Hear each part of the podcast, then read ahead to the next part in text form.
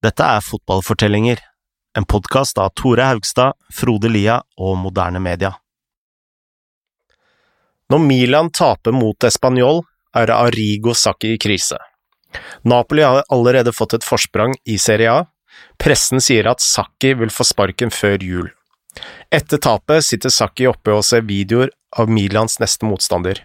Han sover ikke et sekund men de neste dagene skal det skje noe som endelig får Milan inn på vinnersporet.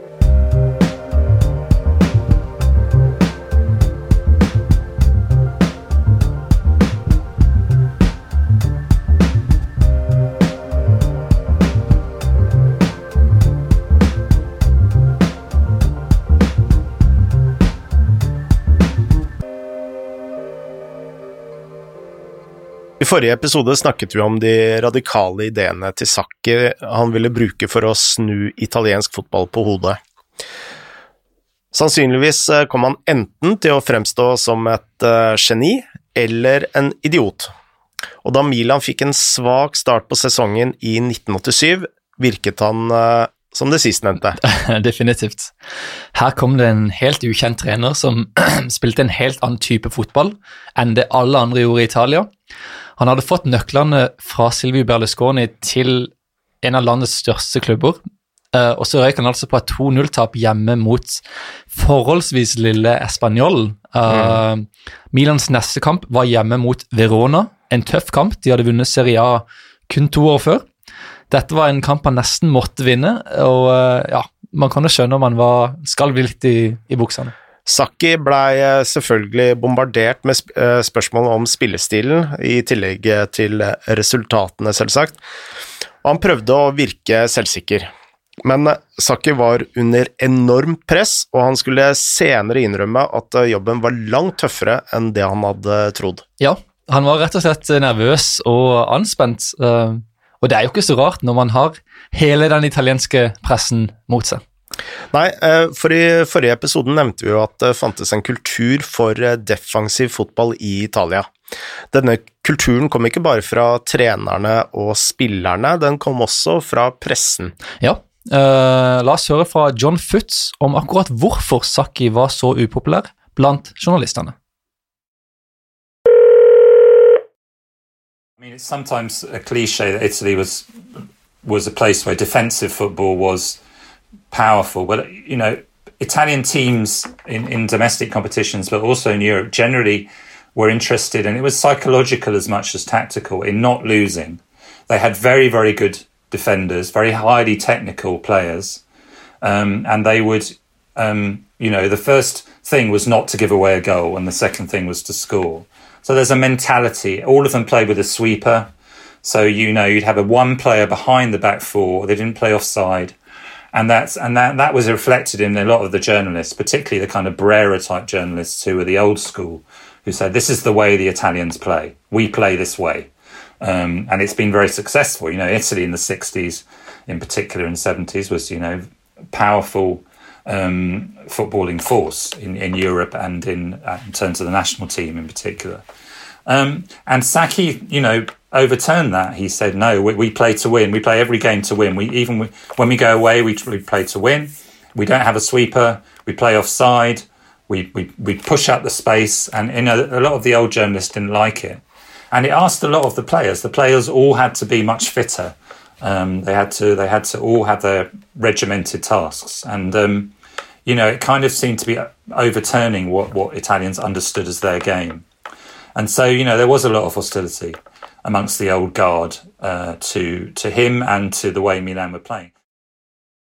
Foot uh, snakker her om en gruppe journalister fra den gamle skolen som uh, så italienske lag dominere på 60-tallet, og han uh, nevner spesielt Brera. Hvem var det? Nei, Johnny Brera var den mest berømte og kanskje mest kontroversielle fotballjournalisten Italia har hatt. Dette var en fyr som fant opp helt nye ord og uttrykk som i dag er en del av det italienske fotballeksikonet. Mm. Uh, altså, bare tenk deg det her, skrivemaskinen til Brera finnes nå på det, det italienske fotballmuseet. Altså Så viktig, så sentral var han for uh, italiensk fotballhistorie. Mm. Uh, og det var han som sto bak denne teorien som vi nevnte i forrige episode, om at italienske spillere liksom var fysisk svakere enn sine rivaler, og at de derfor måtte kompensere med denne slue, defensive, kyniske fotballen. Mm. Han var også en tilhenger av den beryktede Catenaccio-systemet som bl.a. blant annet Saki mislikte veldig sterkt. Nettopp. Um, faktisk var Brera en nær venn av en av de to trenerne som hadde gjort det systemet så berømt. Um, treneren som førte Inter til suksess på 60-tallet, var jo den beryktede, fæle Helenio Herrera, som vi gjorde en egen episode på i sesong én om El Clásico. Um, men Brera kjente også Tenereo Rocco, som sto bak Milans to CL-titler det tiåret. Uh, og De to kunne liksom henge sammen på restauranter og spise pizza og prate i timevis, mens uh, vinflaskene liksom tårna seg opp på bordet. Mm. Uh, og Begge de to elska defensiv fotball. Uh, og Brera hadde liksom en teori om at den perfekte fotballkampen da ville ende 0-0, fordi det liksom ikke var noen defensive feil eller balltap involvert. Og Det sier litt om mentaliteten. Rocco hadde kanskje en litt mer praktisk tilnærming til defensiv fotball. Dette er altså mannen som ba spillerne sparke alt som rører seg, sånn i gås gåsetegn. da. Mm. Uh, og en gang altså, er det en historie om han, altså, han hadde bedt en spiller om å markere en motstander fra garderoben inn på toalettet. det finnes også en historie her om hvor en journalist møter Rocco like før en kamp. Journalisten sier 'måtte det beste laget vinne', og Rocco svarer 'la oss håpe ikke'. Den scenen der understreker jo akkurat det Sakki refererte til, nemlig at uh, italienske lag uh, liksom anså seg selv som underlegne omtrent før kampen uh, hadde begynt. Ja, og det var akkurat det Sakki Den mentaliteten han ville snu. han ville liksom være det dominerende laget fra første sekund. det skulle liksom ikke være nødvendig å ha disse defensive grepene for å kompensere, men det gikk jo ikke så bra i starten, da. Um, og da Milan hadde tapt mot Español, så lurte Sakki veldig på hva som faktisk hadde gått galt med, med denne stilen. Da begynte han å tvile på sin egen spillestil? Nei, egentlig ikke. Han, han fant andre årsaker. Uh, han hadde hørt et rykte om at Ruud Gullit hadde kommet tilbake for sent til hotellet natta før kamp. Mm. Og altså, I Nederland så hadde de jo et helt annet forhold til liksom, profesjonalisme og liksom det å altså Italierne, Italia de stenger seg inne på et hotell tre dager før kamp og sånn, og ja. i Nederland så var de jo ikke vant til det. Um, I tillegg hadde Sakki lagt merke til hva spillerne hadde prata om i garderoben før kampen.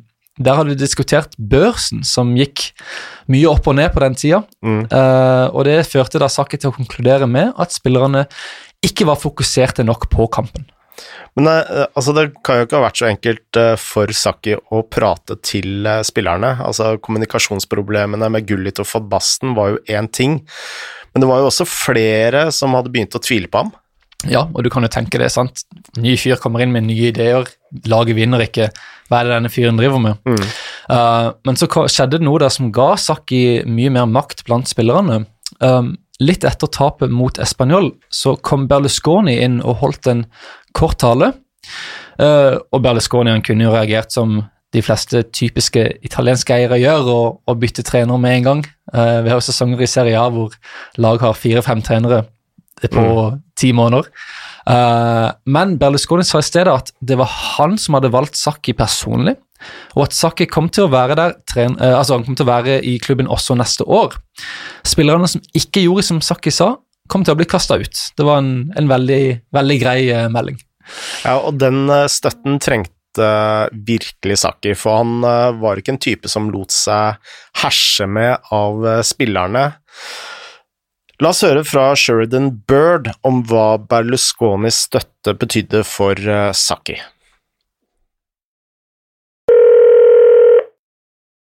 There, there was a match relatively early on in the Saki era where Van Basten, you know, among other players, but particularly Van Basten, wasn't too happy with how um, Saki was using him. And they'd had a few falling outs in training, supposedly, a few uh, discussions. And basically, for one match, Saki put Van Basten on the bench next to him. And, and the story goes, said, if you know so much about football and you're such a great coach, sit next to me for this next league match. Um, Virdis, your reserve, will play up front, and you can sit next to me and tell me how it's done. And Van Basten basically got a message um, that, you know, he was droppable. He wasn't untouchable. Berlusconi, supposedly, when asked about this, even agreed and said Saki is the boss. If Arrigo said it was okay to drop Van Basten and play Virdis instead, I trust him. Det tok en modig kar for å benke spilleren som blei ansett som den nye Cruyff. Men det ironiske her er jo at eh, van Bastens fravær løste et av Sakkis eh, store problemer. Ja, frem til nå hadde jo Sakki brukt 4-3-3, men uh, det fantes problemer med det systemet. Van Basten ble brukt på venstre kant, som ikke var ideelt. Og Angelotti spilte høyre indreløper. Uh, og Angelotti, altså dette var ikke noen Kevin De Bruyne-type. Uh, altså Dette er en spiller som sjøl har sagt at han hadde blitt parkert av en lyktestolpe. Uh, Angelotti har også skrevet at i en sprint mellom to spillere, så hadde han kommet på tredjeplass. Det er uh, en annen, uh, annen, historie også, da spillerne løp uh, 30-meter-sprint løy faktisk eh, Sakki om eh, resultatene, slik at eh, Hanselottis selvtillit ikke skulle bli knust. Men ja, Angelotti visste jo sjøl også veldig godt at han var ikke mobil nok til å spille indreløper, og det, det, fungerte ikke særlig bra. Men innen kampen mot Verona hadde van Basten blitt skada. Og det førte til at Sakki måtte endre system. Ja, Uten van Basten så virka det jo mer naturlig å bruke Virdis og Gullit på topp, så Saki han vridde om til 4-4-2. Ancelotti ble flytta inn sentralt, hvor han ikke trengte å spurte fremover like ofte. Roberto Donadoni var på venstre, og de to andre midtbanerollene gikk til Alberigo Evani og Angelo Colombo, som var litt sånn mer sånn typiske arbeidshester. Som to gjorde, Øyvind Leonardser. Ja, som gjorde grove, grov for, for stjernene. I tillegg hadde de en forsvarsrekke som besto av Franco Baresi, Paolo Maldini, Filippo Galli og Mauro Tassotti. Ja, og med Giovanni Galli i mål. Og med 4-4-2 vant Milan den viktige kampen mot Verona. Det ble kun 1-0, men det burde ha vært mer. Endelig spilte Milan som Sakki ønska. Ja, og de neste kampene var Milan bunnsolide. Um, de neste fire endte 0-0, 2-0, 3-0, 0-0. Uh, Riktignok så røyk de ut av FA-cupen mot Español, uh, men det var jo delvis fordi spanjolene dynka banen i vann rett før avspark, uh, noe som gjorde det helt umulig å, å spille skikkelig fotball. Uh, uansett så hadde Milan helt klart snudd den vonde trenden, uh, og forsvaret var jo nå veldig, veldig bra. Et poeng Angelotti har gjort i en av sine bøker, er at Milan rett og slett jobba for hardt til at de kunne tape. Det tok liksom bare litt tid før Sakkis system blei skikkelig drilla inn. Ja, og det gir jo mening når prinsippene er så nye, og når presisjonen må være så høy for at det skal fungere. Saki var jo en fyr som knytta spillerne sammen med tau på treningsfeltet, sånn at de skulle lære de riktige distansene mellom, mellom seg. Jørgen Klopp sa faktisk i et intervju at uh, når han skulle kose seg hjemme med kona en fredagskveld, så så han på de videoene hvor Sakki drilla for, for, forsvar og og det, det, er kanskje eh, en av de tingene man ikke snakker så mye om uh, Sakkis eh, forsvarsspill, fordi man snakker stort sett om forsvarsfireren, men det han var veldig opptatt av, det var dette at Eh, avstandene mellom leddene skulle være så små, og at eh, sideforskyvningen skulle være så kompakt, så han drilla jo faktisk eh, ti utespillere sammen, og det er der denne tesen med å binde fast spillerne i tau var så viktig, da, fordi disse avstandene var helt essensiell for at dette systemet skulle fungere. Ja. Det er jo en annen uh, historie her om, uh, som Sakki ofte forteller da om hvordan han klarte å overbevise eh, spesielt van Basten og Gullita om at denne drillinga av dette systemet var viktigere enn enhver enkeltspiller. Mm. Han hadde den øvelsen hvor han ba ti angrepsspillere da om å angrepe uh, en backfirer, uh, altså Barese Costa Corta, Tassotti og Maldini og Kiprangalli. Og Ideen til Saki var at fem organiserte spillere kunne slå ti uorganiserte angripere. Um, den eneste regelen var at om Forsvaret vant ballen, så måtte angrepet starte på ny innenfor egen halvdel. Um, og De angrep da ti mot fem i ett kvarter, uh, og angrepet skårte ikke ett eneste mål.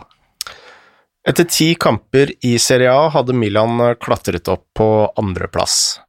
De hadde kun ett tap og fire baklengs. De var med i tittelkampen, men Sakki visste at uh, det kom til å bli tøft. Ja, altså, Vi må ikke glemme at Serie A var Det Premier League er i dag. ja, uh, verdens beste liga på både på 80- og 90-tallet. Um, den sesongen spesifikt hadde Inter f.eks. Giovanni Trappatoni på trenerbenken. Daniel Passarella i forsvaret, uh, og ikke minst den belgiske legenden Enzo Schifo på midten.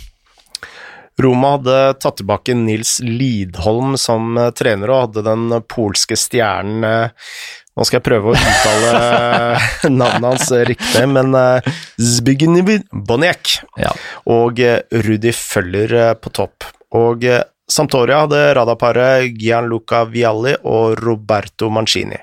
Ja, og så hadde du da laget som på denne, dette tidspunktet fortsatt toppa tabellen, Napoli. Um, de hadde vunnet Serie A sesongen før, men Maradona var på sitt aller beste. Dette var kun to år etter at Maradona i praksis hadde vunnet VM alene for Argentina i Mexico med Hansen og solomålet mot England og alt det her. Uh, greit nok, han var godt i gang med kokain og mafiafestene og alt det her ute i Napoli, men uh, han skulle anse den 87-88-sesongen som den beste han noen gang spilte for Napoli. Um, dette var altså Maradona på sitt aller, aller beste, og sammen med disse spissene Bruno Giordano og Careca, så utgjorde Maradona Magica, uh, en angrepstrio som liksom var Eller ja, en slags trio da som var Napolis svar på svenske Grinoli uh, i Milan. Milan eh, lå tre poeng bak Napoli, eller fem poeng om man bruker eh, dagens regler, for på den tida så fikk man bare to poeng per eh, seier. Men uh, nå var Sakkis Sakis eh, maskineri, for vi, må, altså vi kan jo kalle det et eh, mas maskineri, for det er jo det det faktisk var. Ja. Og I neste runde skulle Milan eh, spille hjemme mot Roma, mens Napoli møtte Juventus. Og dette var en gyllen sjanse til å hale inn på Napoli. Ja, og det sto øh, 0-0 til pause, selv om Milan hadde dominert. Men like før avspark i andre omgang så skjedde det noe rart. Um, noen fra tribunen på San Siro kasta en rakett ned på banen. Den traff Romas keeper Franco Tancredi, som falt ned på gresset og ble liggende i flere minutter. Og Spillerne samla seg rundt Tancredi, og vakter kom inn på banen. Jeg tror det var noen fans der også. og Leger kom inn og bår han ut av banen. og Det var, det var fullt drama. Um, og når støvet hadde lagt seg, så vant Milan 1-0. Men uh, pga. den raketten da, så ble Roma automatisk tildelt seieren 2-0. Samtidig vant eh, Napoli 2-1 mot Juventus etter et sent straffemål fra Maradona. Og nå var luken på fem poeng. Og Saki var jo fra seg av dette. Midt på natta gikk han eh, på treningsstudio for å få ut sinnet. Han visste jo at Milan hadde blitt eh, snytt for eh, to verdifulle poeng. Ja. Eh, heldigvis for Saki så klarte Milan å slå tilbake i neste kamp med 1-0 mot eh, Inter. Og Deretter kom det en vinterpause uh, hvor Milan uh, virkelig trente knallhardt. De visste nemlig hva som venta dem på, i starten av året, i januar. Neste kamp var hjemme mot Diego Maradona og Napoli. Før kampen mot Napoli var Milan ned på fjerdeplass, fem poeng bak lederne. Og nå måtte de nesten vinne, men de var jo samtidig i eh, storform. Ja, de hadde jo rundspilt Roma og vant jo egentlig den kampen 1-0. Uh, greit nok, Napoli hadde Magica på topp med 25 mål på 12 kamper, som var veldig mye i Serie A på den tida. Men uh, Milan hadde jo dette forsvaret, da. Uh, de hadde sluppet inn fire mål på 12 ligakamper, om man da tok bort denne automatiske 2-0-seieren mot Roma. Eh, og dette var jo ikke dårlig. I starten av kampen dominerte Milan, men etter ti minutter eh, fikk eh, Maradona ballen på 35 meter like foran Milans eh, to defensive ledd. Mot et eh, hvilken som helst annen spiller ville Milan hatt eh, stålkontroll, men dette var eh, Maradona. Il solito stile, il solito incedere. Maradona, pallonetto, Trova Careca in buona posizione, bellissimo il tocco e il pallonetto di Careca. E il Napoli è in vantaggio dopo 10 minuti. Un'azione stupenda questa dei due stranieri napoletani. Maradona klarte altså å skru en pasning med venstrefoten over forsvaret til Mailand. Den dalte liksom ned til Kareka, som eh, lurte offside-fella. Dempa ballen på brystet og løfta den på volley over Galli i Milan-målet. Men Milan eh, fortsatte å male på, og eh, Gullit var jo i storform. Snart la han 45 ut til Colombo, som bresia ballen i mål. Så la Virdis på til 2-1 før pause, og i andre omgang, like etter en time var spilt, fikk Ancelotti ballen på midtbanen. Questa volta sono i giocatori del Napoli che portano il pressing. Ancelotti, l'avanzata di Ancelotti, ancora Ancelotti, verticalizzazione per Gullit, ancora Gullit davanti al portiere, c'è il dribbling, Gullit, gol! Bellissimo gol di Ruud Gullit che ha evitato Garella. Ancelotti fant Gullit med en stikker, og dermed sto det 3-1. Milan vant til slutt 4-1, og Gullit gikk av banen til stående applaus. Og den sesongen var Gullit helt vanvittig god. I desember hadde han allerede vunnet gullballen som Europas beste spiller, og altså, han var kanskje en av verdens største fotballstjerner på den, på den tiden. Altså, ikke, ikke, bare var han vanvittig god på banen, men han så jo veldig kul ut. Han var på mange måter datidens David Beckham. Ja. en virkelig kjendis, i tillegg til det å være en god trekvartista, som man egentlig kan kalle han i systemet til Sakki. Det er jo et enormt karisma også. Uh, Sakki skrev liksom at han var lederen som liksom bare sa det han mente i garderoben, og gikk foran som et vanvittig godt eksempel. Ja, men det var også sånn han var på banen, fordi altså en vanlig typisk trekvartista på den tiden var jo gjerne en sånn litt sånn liten uh, tekniker, men uh, men Gullit hadde jo en sånn fysisk tilstedeværelse ute på banen, så han, han liksom ga seg sjøl albumet Det var ikke bare det at han var god med ballen og hadde et fint blikk, men det var liksom den fysiske tilstedeværelsen som han liksom bare tok for seg på, på mange måter. Ja. Uh, Gullit var jo så populær på den tida at fans liksom satt med sånne svære parykker på mm. San Siro. Uh, og John Futz han flytta jo til Milano i 1988 og var med på dette. Han hadde dette å si om Gullit-feberen. That period, um, Hullet was such um, a presence, you know, and you know there were very few black people in Milan. Immigration was just starting, and he was a, you know, he was a kind of he was in, he was so famous. I mean, the one time I saw I saw him a couple of times in the flesh because you bump into people in in Milan. It's a small city, you know, really the center of it. And one time I was walking down the street and I saw him ahead of me walking down the street, and in about two minutes he had a crowd of like a thousand people following him. I mean, he was so um, recognizable. Uh, he was so kind of exotic, um, and he was such a kind of he was a different kind of player. You couldn't really place him. You didn't know what he was. Was he a midfielder? Was he a striker? Was he, um, you know, what was he? He could do anything. I neste runde vant Milan 1-0 bort mot Juventus. De var fortsatt tre poeng bak Napoli, men så skjedde det noe som gjorde Sakki overbevist om at Milan kom til å ta tittelen. Ja, etterpå arrangerte Unicef en futsalturnering under karnevalet i Venezia. Um, flere av Sarjas største stjerner var invitert, og Sakki skulle trene et av lagene. Og En av kampene da mot Sakkis lag var uh, mot et mannskap bestående av Karnevale og Maradona, altså to av de mm. fremste stjernene til Napoli. Etter den kampen dro spillerne og trenerne på en middag, og ved ett bord så satt Sakki og hans venner, og på et annet bord satt Maradona og Karnevale sammen med et entourage av damer, visstnok.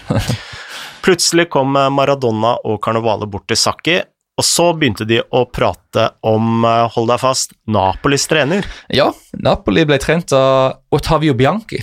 Og uh, mens det var sant at Maradona fikk det meste som han ville i Napoli, og liksom av og til bare bestemte hvem de skulle kjøpe osv., så, videre, så hadde han ikke så mye kontroll over hvem som trente laget. Uh, og Maradona han hata Bianchi. Uh, Maradona er jo veldig latinsk, sant, med mye temperament og sånn, og ikke så glad i styrketrening og liksom å løpe rundt uten mål og mening. Mm. Mens Bianchi var fra Brescia, nord i Italia, eh, og var liksom kald og disiplinert. og Jeg tror Maradona sa at han virka nesten tysk, eh, mm. og det var ingen god, eh, ingen god miks for Maradona. Ja, og Det hjalp jo heller ikke at Bianchi ville ha Maradona til å øve på sklitaklinger. Og da skal Maradona ha sagt at den eneste gangen han gikk ned på bakken, var om han ble felt. Det er litt som å trene headinger med Messi. Eller, ja. det gir ikke så mye mening. Uh, så Maradona var, var, jo ikke glad i dette, og nå som han og Carnivale satt ved bordet til Saki, så begynte de å baksnakke Bianchi. Um, de tre ble jo sittende der og prate til klokka halv fem på natta. Og hele den samtalen fortalte jo Saki om hvor mye splittelse det var i Napoli-leiren. Maradona la til at om Napoli fikk en ledelse på seks eller syv poeng, så kom han til å stikke på ferie til Argentina. Dette er jo en eh, fortelling fra selvbiografien til eh, Sakki, og det er jo nesten utrolig at Maradona og Carnavale la ut om eh, interne stridigheter på den måten der. Samtidig var det jo seint på natta, og glassene som eh, sto på bordet inneholdt eh, sikkert andre ting enn bare vann og brus. Helt sikkert. Um, og episoden var jo akkurat den motivasjonen Saki trengte. Han dro rett hjem til Fusignano den natta, sov en time, og så stakk han rett til Milanello for å ta treninga. Og Der fortalte han laget at de var, kom garantert til å vinne ligaen. Han hadde aldri sett en så stor misnøye mellom et lag og en trener. De neste ukene fortsatte Milan å spille veldig bra. Med ti kamper igjen hadde de fortsatt ikke tapt eh, siden andre runde, om man tar vekk Roma-kampen. Eh, men problemet til Milan var at Napoli kanskje spilte enda bedre. De hadde vunnet alle sine syv kamper eh, siden tapet mot Milan, og ledet nå med fem poeng. Mm. Men så skjedde jo akkurat det som Sakki hadde forutsett. Eh, Napoli helt plutselig begynte bare å snuble. Eh, de tapte mot eh, Lidholm og Roma. De sløste bort poeng mot Empoli og Torino. Og så tapte de mot Juventus. Og da det var tre runder igjen av Serie A, så leda Napoli kun med ett poeng. Det var syv poeng ned til Roma på tredjeplass. Og neste kamp eh, var Napoli mot Milan på San Paulo. Ja, dette er erketypisk eh, tittelkamp. Uh, og før kampen Berlusconi han visste jo hva som sto på spill her. Mm. Før kampen inviterte han hele laget til middag på San Martino. En villa nord for Milano med 147 rom, uh, hvor Berlusconi bodde. Der holdt han en tale på nesten en halvtime om hva en seier ville bety for ham personlig, som gutten som var med pappaen på Milan-kamp og alt det her som han la ut om, selvfølgelig. Selve turen til Napoli var også nøye planlagt. Milan eh, booket eh, to fly, ett for spillerne og ett for maten. Berlusconi var så redd for matforgiftning at han eh, tok med egen kokk, og selv måltidene hadde egne sikkerhetsvakter. Ja, da teller du ikke rundt. Ehm, da spillerne landa i Napoli, fikk de også politieskorte til hotellet. De hadde booka rom i 25. etasje og sørga for at gata utenfor var stengt for trafikk. Alt for å holde denne Napoli-fansen unna, sånn at de ikke skulle skape leven og stå der med fyrverkeri og liksom ødelegge nattesøvnen til eh, Milan-spillerne. Milan sin buss ble bombardert med tomater, appelsiner, spyttklyser og steiner. Men det var Milan som eh, faktisk starta kampen best, og etter litt over en halvtime satte Virdis inn 1-0. Ja, men så fikk Napoli frispark på 20 meter. 49 gol perduti, batte tiro, gol! Gol di Diego Armando Maradona che ha messo la palla nell'angolino alto alla destra di Giovanni Galli, vedete l'esultanza sul... I pausen satte Sakki inn van Basten som nettopp hadde kommet tilbake fra skade. Men i andre omgang var det igjen Virdis som ga Milan ledelsen, og denne gangen etter en assist fra Gullit. Ja, og så, med et kvarter igjen, bestemte Gullit seg rett og slett for å parkere hele Napoli-forsvaret. subito della controazione ecco Gullit lanciarsi verso la porta di Garella tiro e, e, palo da parte di Van Basten il pallone non ci sembra che sia andato in rete invece è entrato in rete è stato Van Gullit fant altså van Basten som trillet inn 3-1. Careca reduserte like etterpå, men Milan holdt unna og vant 3-2. Seieren var nok til å vinne Serie A, og med det var Berlusconi og Sacchi italienske seriemestere. Det rivalene ikke visste, var at dette bare var en begynnelse.